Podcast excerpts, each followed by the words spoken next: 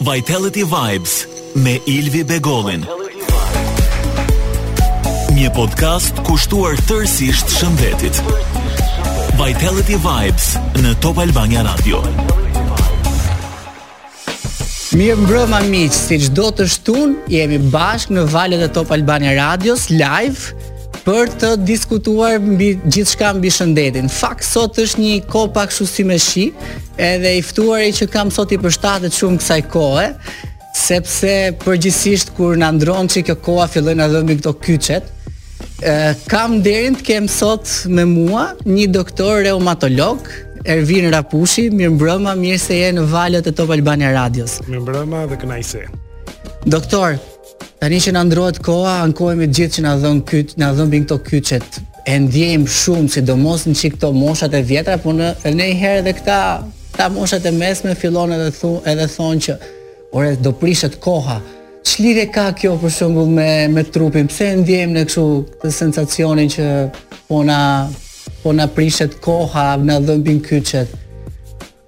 Ë uh, Kjo është një gjë shumë e vërtetë. Domethënë, është gjë e parë që në cilën momenti që ndryshojnë për presionet atmosferike, gjë e parë që ndjen ti në kyçe. Dhe kryesisht kjo është e lidhur kryesisht me sensorët e pjesës të tendineve, të cilët për çdo lloj presioni që ndryshon, arrijnë që ta kapin dhe të vë dhe të manifestojnë nëpërmjet dhimbjes.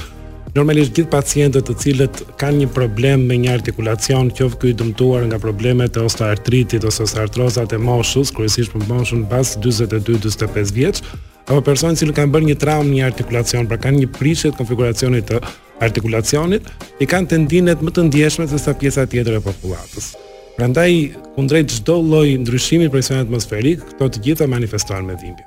Kjo është edhe për moshat e reja apo vetëm për një kategori moshe? Është e vërtetë dhe për moshat e reja. Persona të cilët kanë një probleme me statikën e ecjes, një dëmtim të statikës së ecjes, që mund të kenë dhe gjunjët një pozicion me hark më shumë që është genu valgus ose genu varus. Ata që kanë këmbët si X ose si si të harkuar, janë domethënë më të prirur që t'i ndjejnë këto ndryshimet kundrejt ndryshimeve atmosferike dhe të manifestohen prapë me dhimbjen.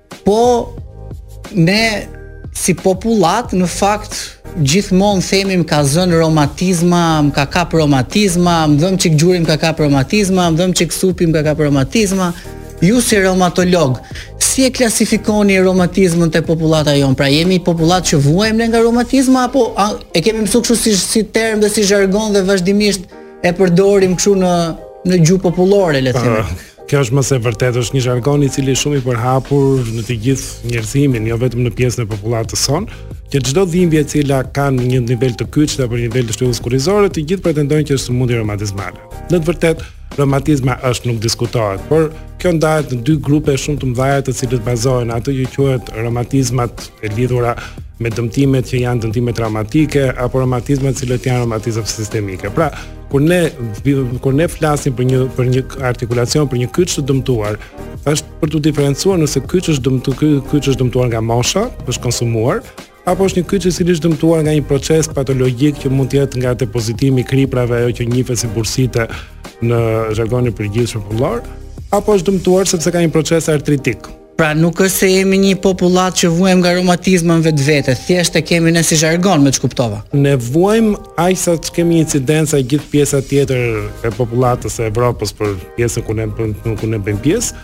por që shumica është një çik mbi e përdorur ky term që vuajmë nga romatizma. Një pyetje të drejtpërdrejtë ju si reumatolog, çfarë e shkakton në fakt romatizmën tek njerëzit? Uh, normalisht kjo është një fushë shumë e gjerë. Nuk është një një aspekt gjithë pak, një aspekt, një, një aspekt i vetëm. Qofse ne përjashtojmë të gjitha problemet e statikës dhe dëmtimeve artikulare të cilët janë traumatike, pjesa tjetër që mbetet mbetet ato që janë sëmundje sistemike ato imune apo sëmundje të cilët përfshijnë të gjitha artikulacionet. Pra bëhet fjalë për një problem imunitar, një problem tonin të brendshëm ku gati 75% e popullatës që vuajnë me këtë lloj sëmundje e kanë është diçka e trashëgueshme. Pra nuk është diçka përveç pjesa e 25 përqind që lind de novo për herë të parë dhe që është rrisku çdo lloj personi. Pjesa tjetër është pjesa që është ajo që ne bartim nga pjesa e familjes sonë, trashëgimisë dhe që pastaj në lidhje me faktorët ambiental, ajo normalisht do manifestohet dhe do bëj këto sëmundje sistemike. Pra në qoftë se ka pas mami, babi romatizmin ka shumë shanse. Edhe gjyshi dhe gjyshja kemi shumë shanse që ne ta kemi. Këto lidhjet me lagështirën, me qëndrimet në të ftohtë që i themi nëherë kalamajve të vegjël, mos qëndro zbathur se do ftohesh, ose mos, mos i mbaj shumë këmbët në ujë se kur të plakesh do të kapi romatizma. Ekzistojnë si, A, si koncepte? Si koncept ekzistojnë, nuk janë totalisht të vërteta, por konceptet do të thotë që ekzistojnë si koncept. Normalisht i referohet atyre infeksioneve të cilët mund të jenë infeksioneve respiratore, infeksioneve të fytit, të cilat mund të provokojnë në moshë të vogël një artrit reaktiv, por që çojnë në një dëmtim të artikulacionit që më vonë mund të bëhet një prelud për të zhvilluar një dëmtim të tillë, qoftë dhe një sëmundje autoimune. E di pse të them se për shembull dalim dalin kalamajt nga deti edhe i marrim i fshim direkt shumë me peshqir. me idenë që obobo do na ftohet obobo do na e kapi romatizma dhe në fakt më ka bërë gjithmonë përshtypje kjo a është një shans që ta kemi këtë si pro, ja, si fenomen. Ja, kryesisht kryesisht kjo është për periudhën e ftohtë të dimrit, ti nuk ka lidhje me pjesën e detit, tani në qoftë se në det fryn erë e ftohtë dhe kanë shanset për t'u sëmurur janë të mëdha, po, por në rastin e kundërt kryesisht i dedikohet periudhave të ftohta të dimrit ose të vjeshtës, në të cilin infeksionet respiratore dhe ato të rrugëve dhe të faringale janë më të shpeshtat. Më thonë nëj herë pacientët, shiko si më janë deformu këto gishtat, shiko, shiko si më janë deformu kyçet ose më ënjten. Duhet të vim tek ju, duhet të shkojmë te ortopedi, ku drejtohen njerëzit kur kanë kështu deformitete të kyçeve se janë të pa informuar. Domethënë, mi unë mendoj që e trajtoni dhe ju problemet e kyçeve i trajton, pra e trajton dhe reumatologu dhe ortopedi në këtë rast. Uh, Piknisja. Si din njerëzit e shkret ku të shkojnë. Po, kjo kjo është mëse e vërtetë. Prandaj un gjithmonë them që piknisja duhet të jetë pjesa e mjekut të familjes. Ai është pika bazë që orienton, pra vizita e parë dedikohet mjekut të familjes.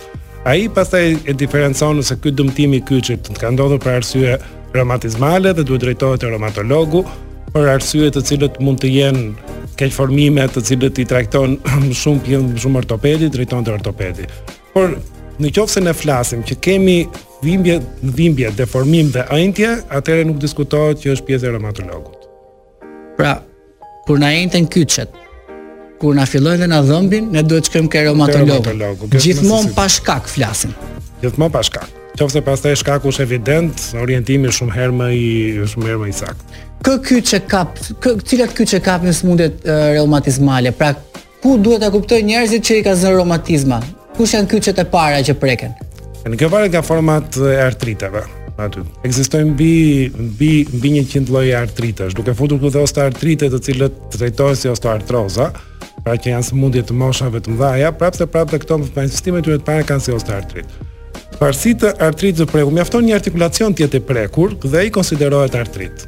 Pra, jo të gjitha manifestohen me prekje të gjitha artikulacioneve të duarve, të gjunjëve, të talokruralit kyçit të këmbës, por edhe ka artrite të cilët mund të prekin edhe pjesën në pjesën e shtyllës kurrizore. Duke filluar që nga pjesa e cervikales, nga pjesa e sakroiliakeve, që janë artrite kryesisht të moshave të reja. U rikthyem sërish miq në valët e Top Albania Radios. Nga ana tjetër e xhamit është DJ Arten, i cili më suporton çdo ditë të shtune, edhe nuk më lë të gaboj asnjëherë.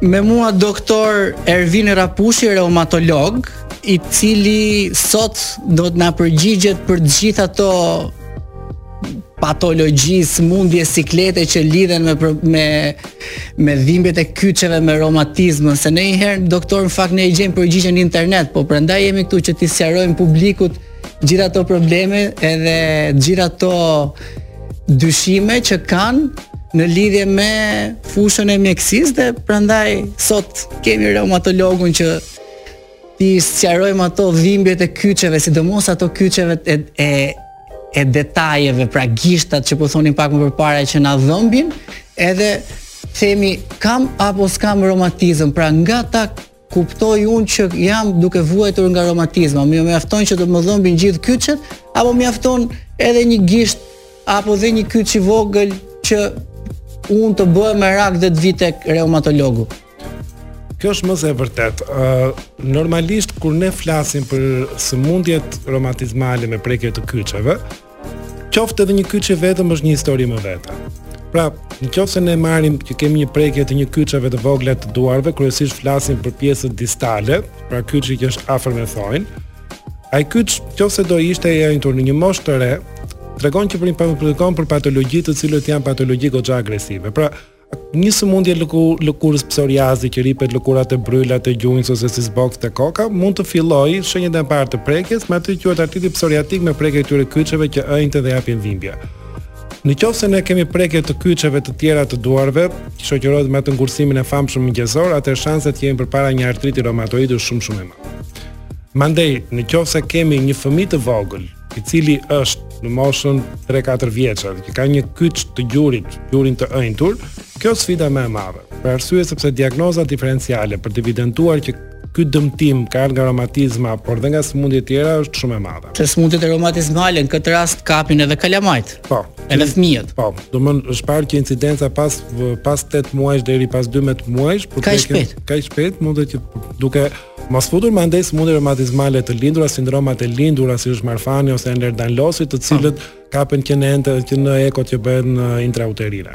Shiko, kemi Artenin neve që rri gjithë kohës në kompjuter për shembull. A mund mund ta preki Artenin kjo romatizma e gishtave se i përdor gjithë kohës gishtat. Në këtë rast po të them Kemi edhe njerëz që rrinë gjithë kohës para kompjuterit, call center që punojnë edhe janë të prirur për të pasur probleme romatizmale? Janë të prirur më shumë për të pasur çrregullime të statikës, të pjesës cervikale, të pjesës së shpinës, por me kalimin e kohës dhe të pjesës së gishtave pse jo? Ja? Domethënë, ne sa më shumë aktivitet në këtë rast. Po, sa më shumë aktivitet.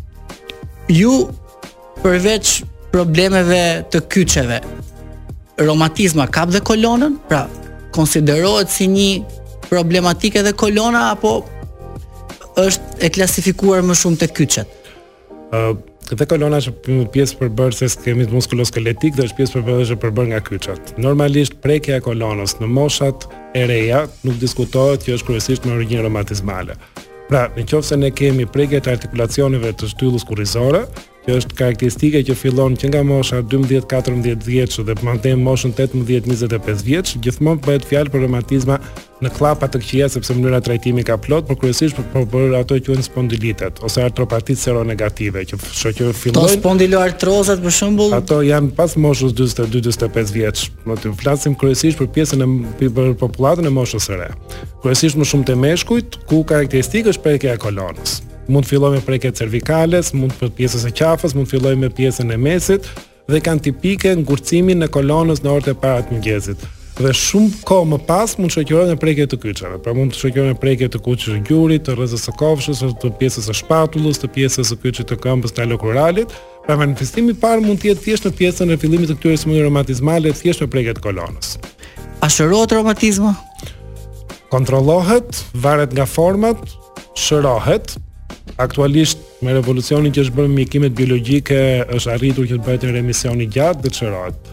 Gjithë ideja e nuk është që ne Nuk diskutohet që mjekimi ka pjesën e vet, por janë dy gjëra shumë të mëdha. E para është momenti në të cilën kapet si sëmundje reumatizmale, sa më shpejt që të kapet, aq më shpejt mjekohet, nuk diskutohet. Pavarësisht se mjekimi mund të jetë afatgjatë e rëndësishme është të mjekohet. Dhe pika tjetër është rehabilitimi. Rehabilitimi është një është një armë shumë e fortë në pacientët të cilët se Sado që ne ta mjekojmë, çdo lloj artriti e lë një dëmtim qoftë në strukturën e kërcit, qoftë në strukturën e tendinit, i cili më vonë do bëhet prelud për zhvillimin e artrozës, pra dëmtimit kur të arrijë dhe mosha që të gjithë kyçet do dëmtohen, të arrijë dhe të shkojë dhe të, ka, të kalohet në dëmtimin që mund të kërkojë dhe endoprotezimin, pra zëvendësimin total të artikulacionit. Po para se të arrijmë këtu, një kyç i cili është i dëmtuar, rehabilitimi thashë është një armë shumë e fuqishme e cila ndihmon që ne të zgjasim kohën që ky pacient të shkojë në të shkojë në endoprotezim pra në në, në zëvendësimin total të artikulacionit. Thuhet që ju reumatologët jepni shumë ilaçe. Thotë shkova te reumatologu, më mbushi me një valixhe me ilaçe, më filloi dhimbja e stomakut, po s'di ça të pi më përpara, po kur duhet t'i lë këto ilaçet se më duket vetja sikur më është rritur tensioni, sikur jam fryrë nga kortizoni. Në fakt, a jepni ju shumë ilaçe? shumë mm. medikamente dhe pse? Pa pra kush është qëllimi juaj që i jepni pacientit kaq shumë medikamente? Ë, uh, ne japim aq sa duhet, nuk diskutohet nuk se kjo gjë. Çka patologjitë reumatizmale janë patologji shumë komplekse. E nisëm po diskutonim për një person i cili ka një dhimbje gjuri, një person i cili është në moshë aktive që duhet të shkojë në punë, flasim për një nënë e cila duhet të bëjë punët e shtëpisë përveç punës punë zyrtare, të gjitha me radhë. Normalisht uh, nuk diskutohet që rikthimi sa më shpejt në jetën normale është ajo që duhet arritur. Përveç se mjekimit të patologjisë do duhet arritur. Por pak më parë thashë që patologjitë reumatizmale janë sëmundje autoimune, janë janë sëmundje të sistemit imun, të cilit ku trupi vet lufton lufton gjërat e gjërat e veta. Pra, sistemi imun që lufton artikulacionet, që lufton shtyllën kurrizore, që lufton dhe organet. Se nuk flasim sot vetëm për reumatologji, e cila prek vetëm kyçe, por flasim për atë reumatologji shumë sistemike.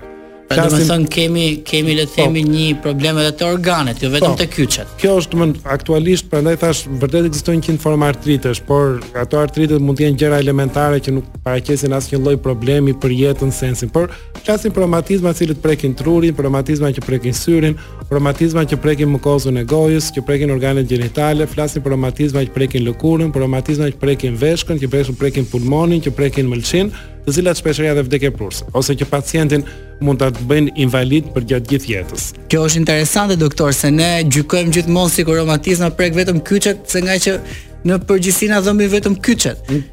Nuk është se ankohemi shumë nga organet edhe themi, o bo bo, tani na dhemb stomaku, edhe mendojmë që kemi romatizëm, na dhemb stomaku, mendojmë që na ka zënë gastriti, po, ose urthi. po, nuk mendojmë që kemi romatizëm. Stomaku është prekur nga ilaçet e romatizmës, kjo është e vërtetë. Megjithëse jemi të kujdesshëm, gjithmonë japim gastroprotektor për të mbrojtur nga efektet anësore në stomak, por prapëseprapë, do të nuk është se është i atakuar. Përveç se dy sëmundjeve tona, të cilët e prekin stomakun dhe dëmtojnë shumë rëndë, pjesa tjetër është rezultati i efekteve anësore që mund të kenë medikamentet që japim. Medikamentet e gjata, se më the për efektet anësore në fakt. Medikamentet e gjata krijojnë problematika një efekt anësore, dy varësi do të thoja. Pra, ne japim kortizon të vazhdueshëm ose ju më saktë. Dëgjojmë që jepni kortizonik të vazhdueshëm. Puna është që E lë ky pacienti këtë kurën. Duket sikur është më i pafuqishëm, sikur ka nevojë ta marrë prapë atë medikamentin. Çka uh, e nisëm pak më para për pjesën që ne japim shumë ilaçe. Qoftë se ne diskutojmë një gjë më të thjeshtë në reumatologji, që është një artrit reumatoid. Gjithmonë zgjedhja e preparateve është konform moshës së pacientit, është konform efekteve ose patologjive të tjera të cilët paraqet ky pacient. Në qoftë se marrim një pacient që nuk vuan nga asnjë lloj patologjie tjetër, por një artrit i cili është me goxha aktivitet, pra një artrit i cili paraqet një sedimentacion të rritur, një PCR të rritur, që paraqet një anemi inflamatore. Ky pacient normalisht përveç preparatit bazë, që është preparati mjekus, që mund të jetë një grup i modifikuesve metotreksati apo mund të jetë acidi, si shoqërim acidin folik apo një leflunomid, Pjesa tjetër janë preparate të cilët do ulin këtë shkallë inflamacionit. Dhe kjo ku bazohet? Bazohet kryesisht përdorimi i kortizonikëve me doza të titruara dhe ne japim për aq kohë për sa kohë na duhet të ulim aktivitetin e sëmundjes, do japim një antiinflamator për të ulur inflamacionin ose mund të zgjedhim një dozë pak më të lartë kortizonikësh dhe për efekte antiinflamatore, do japim mbrojtjen e stomakut, Por njëkohësisht do japim dhe një vitaminë D, e cila është për të mbrojtur efektet anësore të kortizonikëve apo edhe për efektin anësor të inflamacionit që kanë në kocka. Kështu që u bë ajo qeska me ilaçe që që që që folët që folët më sipër. Që nga viti 1993, BTL ka arritur të jetë një ndër prodhuesit më të mëdhenj në botë të pajisjeve mjekësore, në mbi 80 shtete në të gjithë botën, BTL është një ndër kompanitë lider në tregun e trajtimeve jo invazive me mision në rritjen e efektivitetit të trajtimit dhe uljes së kohës së rekuperimit të pacientit e specializuar në dermoestetik, kardiologji dhe fizioterapi. Kështu që doktor, nëse ju duhet një pajisje nga fusha e reumatologjisë një eko, një gjë nga këto, BTL-në ke gati. për t'u rikthyer me Ervin Rapushin reumatolog në një diskutim shumë të gjatë për sa i përket gjithë problematikave reumatizmale, dhimbjeve të kyçeve, te reumatizma e organeve që mora vesh sot që paskemi dhe reumatizma në nivel të organeve dhe që trajtohen mirë nga reumatologu në eksperiencën tuaj kur ju vijnë pacientët me këto mjekimet popullore ku di unë qepë me kripë, domate me sheqer për të ulë inflamacionin Ça bën ju? Uh, normalisht është hapi i parë, çdo person që ka një dhimbje kyçe qepën me kripë e ka të parën. Qoftë për një dhimbje reumatizmale, qoftë për një dhimbje që mund të jetë traumatike ka të parën. Normalisht ne vazhdojmë mjekimin medikamentos pas mjekimit që ata kanë aplikuar vetë në shpi. Ka disa që u ecën mirë, mbas aty e trajtimi po nuk është. Po çfarë efekti ka kjo qepa me kripën mëse? Ë normalisht efektet e tyre efektet e tyre janë thjesht efekte antiinflamatore. Domethënë e vendosur lokalisht është një efekt i cili ndikon në mënyrë të tillë që ul inflamacionin. Vetëm për këtë pjesën e këtyre këtij efekti. Pak a shumë mund ta mund ta çojmë sepse dhe ne reumatologët kur vijnë pacientë që kanë kyçet të ënjtura edematoze, i themi që apliko akull. E njëjta gjë është në pjesën e kësaj. Plus që kanë dhe efekte antiseptike për pjesën e lëkurës lokalisht Qoftë se janë të pëshë e pastër kripa dhe pastër dhe qepa, kuptohet. Aty që ndihmon, cila ndihmon që të uli edhe atë celulitin dhe edemën e indeve të buta që mund të jetë posttraume. Më pyet një paciente, të lutem thotë, ma pyet pak doktorin, ça duhet të bëj për artritin dhe a bën mirë noti? Uh, normalisht për artritin duhet ndarë se çfarë forme artriti është. Kjo është pikënisja e parë, tash ekzistojnë mbi 100 lloje artritesh ku secili ka diferencë diagnozën, diferencimin e vet nga format e tjera. Po noti, noti, noti nuk bën kurrë keq. Në qoftë se është një artrit i cili ty të lejon të notosh, mund të bëjë not. Në qoftë se është një artrit i cili nuk e lëviz dot gjurin, në qoftë se ka kap prek gjurin, nuk diskutohet që notin nuk ka mund ta aplikosh dot. Po noti për dëmtimet traumatike, pra si pjesë e rehabilitimit është një gjë që është e rekomandueshme totalisht. Kur flasim për këto problemet e plakjes osteoporoza që të gjithë besoj do prekemi mbas një farë moshe. Si mund ta parandalojmë ne osteoporozën? Dhe si mund ta trajtojmë osteoporozën? Jo, uh, osteoporoza është bërë një sëmundje shumë abuzuese. Normalisht është bërë abuzuese të gjithë që kur vijnë dhe thonë që kam osteoporozë. Vërtet osteoporoza ka ikur koha kur diagnostikohet vetëm me pjesën që bën një grafi sheh një shtypje vertebrale dhe atëherë është më se e qartë që është fillon dhe klinika. Osteoporoza është sëmundje pa klinikë. Derisa bën frakturën ose derisa kërruset kurrizi dhe pretendohet që mund të jetë osteoporozë. Në të vërtetë osteoporoza nuk prek vetëm moshat e mëdhaja. Osteoporoza prek dhe moshat e vogla. Dhe bëhet ai testi diagnostik Dexa, ku matet densiteti kockor dhe po të evidentohet ky densitet kockor, kjo është gjëja e parë që duhet për në pjesën e parandalimit. Kur ky densitet kockor, pra një djalë që mund të jetë 24 vjeç apo një gocë që mund të jetë 18 apo 30 vjeç, që është me cikël menstrual.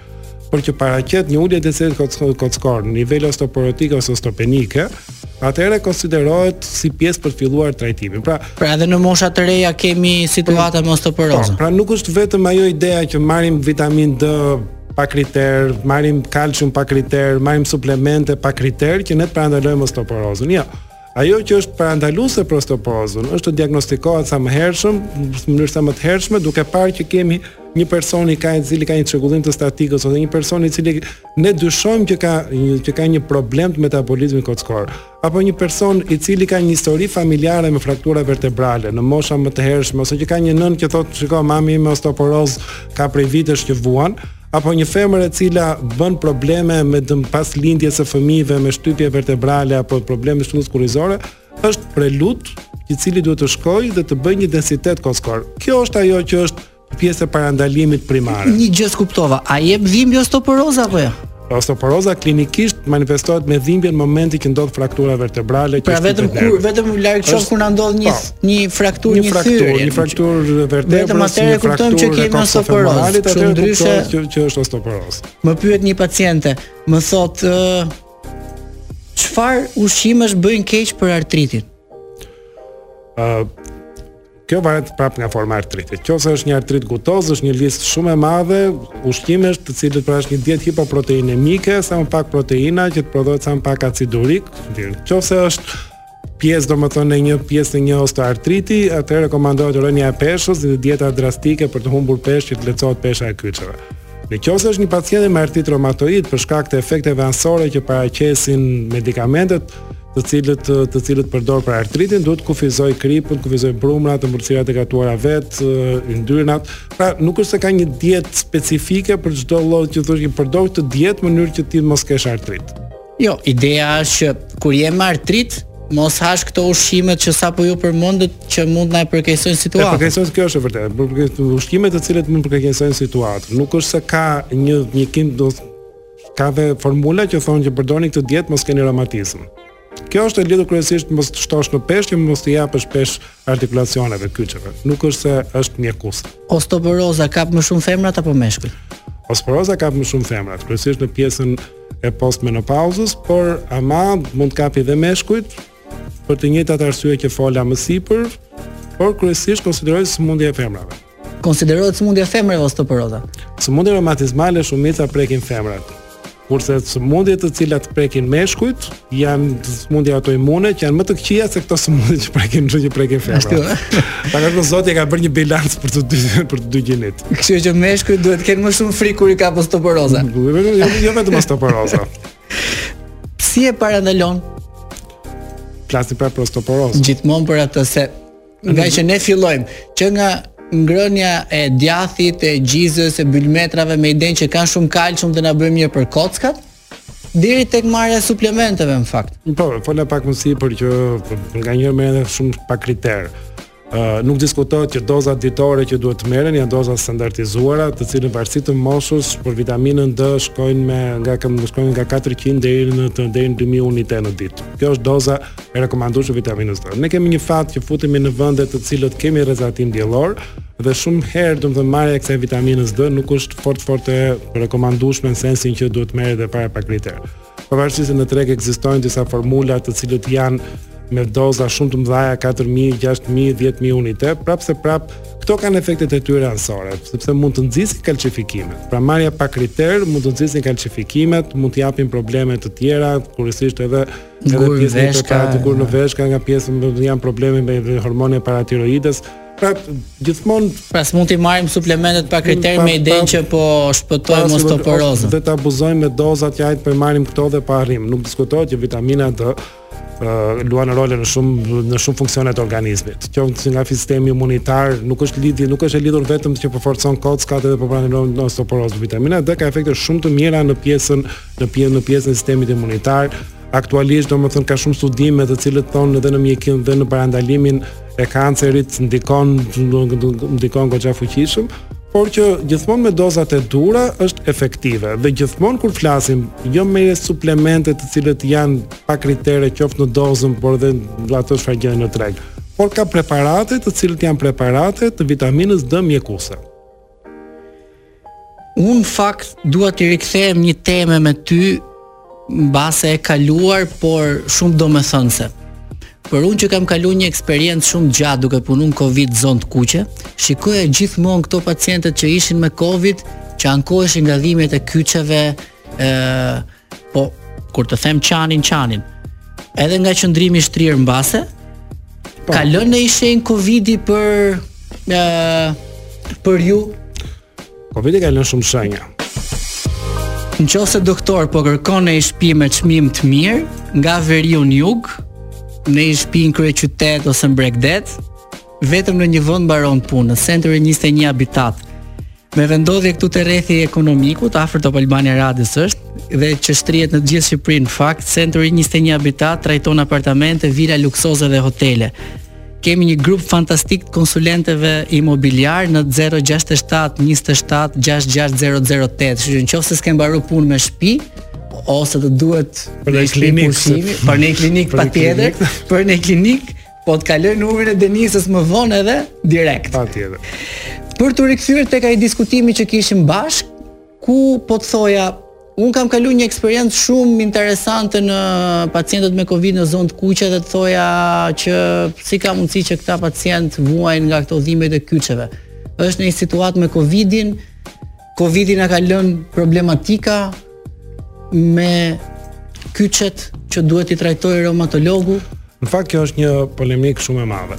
Normalisht studimet e bëra post Covidit, post periudhës Covidit. Ideja ishte që format e reja që ranë të parat që ishin ishin forma me prekje muskuloskeletike dhe gastrointestinale. Pra, Ajo që ankonin, ankonin dhimbje muskulare të forta, si çdo lloj gripi, po të dhjetëfish më të forta dhe përveç se dhimbjeve muskulare, më pastaj ishin edhe dhimbjet artikulare të përfshira.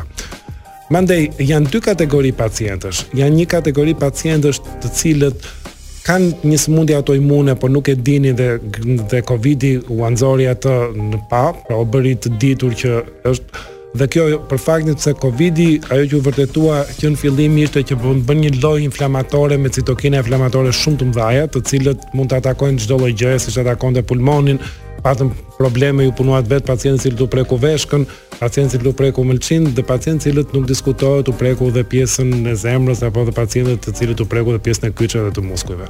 Ky persona të cilët paraqesin një predispozitë gjenetike kundrejt një sëmundje sistemike autoimune apo kundrejt një patologjie autoimune, u pa që Covidi ua përkeqësoi atë patologji. Pra flasim për pacientë të cilët ishin të patrajtuar ndonjëherë. Ndërkohë që në momentin pacientë të cilët paraqesin, dhe ky është një fakt shumë interesant, të cilët paraqesin një sëmundje autoimune, të cilët paraqesin të cilët kanë qenë të trajtuar me imunosupresorë apo me këta kortizonikët që nuk i donim, Këta pacientë e kaluan relativisht shumë herë më lehtë Covidin, sepse sistemi imun, po, sistemi imun ka qenë i supresuar dhe Covidi nuk arriti të bënte një lojë inflamatore. Nuk diskutohet pati nga këta që humbën jetën për shkak të komorbiditeteve sëmundjeve të cilët kishin, por që e kaluan goxha më mirë se sa pjesa tjetër. Pra ata që kishin marrë kurë ose që kishin po trajtoheshin më përpara për sëmundje reumatizmale, imunosupresorë dhe kortizonikë e kanë kaluar goxha më mirë. Në dijeninë tuaj kjo formë e reumatizmës ka qenë thjesht për atë periudhë që individët kanë pasur Covid apo ka vazhduar pastaj si shfaqje dhe si sëmundje edhe më vonë, pra janë bërë pacientët tuaj. Për për një pjesë të po atyre të cilët u filloi në Covid kjo sëmundje autoimune, pastaj ka vazhduar. Sëmundja autoimune nuk është e zhdukur. Albana. Hajde. si je. Doktor, është uh, Albana që do na vijë me Big Brother Radio. Kë kemi të ftuar ne sot? Tha se the kë kemi me reumatizëm. A që se kemi ndonjë me reumatizëm në shtëpinë e Big Brotherit, doktori? Ja, e di doktori, kush të duket i shtrembët doktor? Janë vipsa, s'mund të jenë shtrembër. Ashtu? Pse, po nuk e ke parë? Uh, e ndjek, s'i ke pa mirë më duket. E ndjek, jo aq shumë, nuk kemi mm. aq kohë dhe mundësi kohore për t'i ndjekur aq shumë. A e di po se e keni mision për ne të tjerët. Po. Ata i ka bekuar Zoti me vipllok. Ja dhe ne t'i komentojmë. Sonde me ne vetëm pas pak në orën 20 deri në orën 21, ashtu si çdo të premte shtunë diel me mua dhe me Lonën dhe Enin ditët e tjera të javës. Sa për sonte, Olsa Bazi dhe Eni Tare për një koment të zjarrtë plot një orë përpara prajmit të madh i cili sigurisht premton surpriza. Do ta ndjekim besoj. Doktor në televizor sot, sot e shtunë. Po. Ka pushim doktori nesër apo? Doktor nesër po. Pushim. Kështu që big sot deri vonë. Deri vonë. Do ta mbyllë Ilvi apo ta mbyllim bashkë? E mbyllim bashkë. Ka qenë një program i cili premtoi dhimbje. Por shkakton shërim. Shkakton shërim sa herë kemi doktor të mirë, kështu që gjithmonë të mirë i ke patur. Kjo është e sigurt. Ashtu. Na duhet çik informacion i mirë në fakt. Nuk duhet të harrojë publiku nga ana tjetër, të gjithë ata që mund ta kenë humbur sot, ta shohin këtë program në të gjitha platformat e mundshme sociale dhe në faqen dhe kanalin zyrtar të YouTube. Deri atëherë. Prezantoje pra emisionin me pak shpirt. Deri atëherë ju urojmë të gjithëve një fundjavë të mbarë. Në ndjekje dhe vazhdim të Big Brotherit. Dhe rishikohemi të shtunën tjetër në orën 7 me 8 pm. Kështu mund të themi 7 me 8 pm. Super. Në valë. Se kam vënë re që kur them kështu 19 20 më pyesin për data o zot, nuk kemi filluar ende. Kështu që rishikohemi të shtunën tjetër të dashur miq në valët e Top Albania Radios në Vitality Vibes. Mos mungoni se do kemi surpriza. Oh. Po, do po kemi po do kemi të ftuar të ndryshëm. Sëmundje të tjera. A dhe ato janë një surprizë, flen me ne, o zot sa kam Ilvit kam thënë po, te ato mendoret jam më. Kaloj psikiatra herës tjetër, nuk e mori. Se nuk e kam ndjekur unë. Mirë, vetëm pas pak Big Brother Radio qëndroni në valët e Top Albania Radios.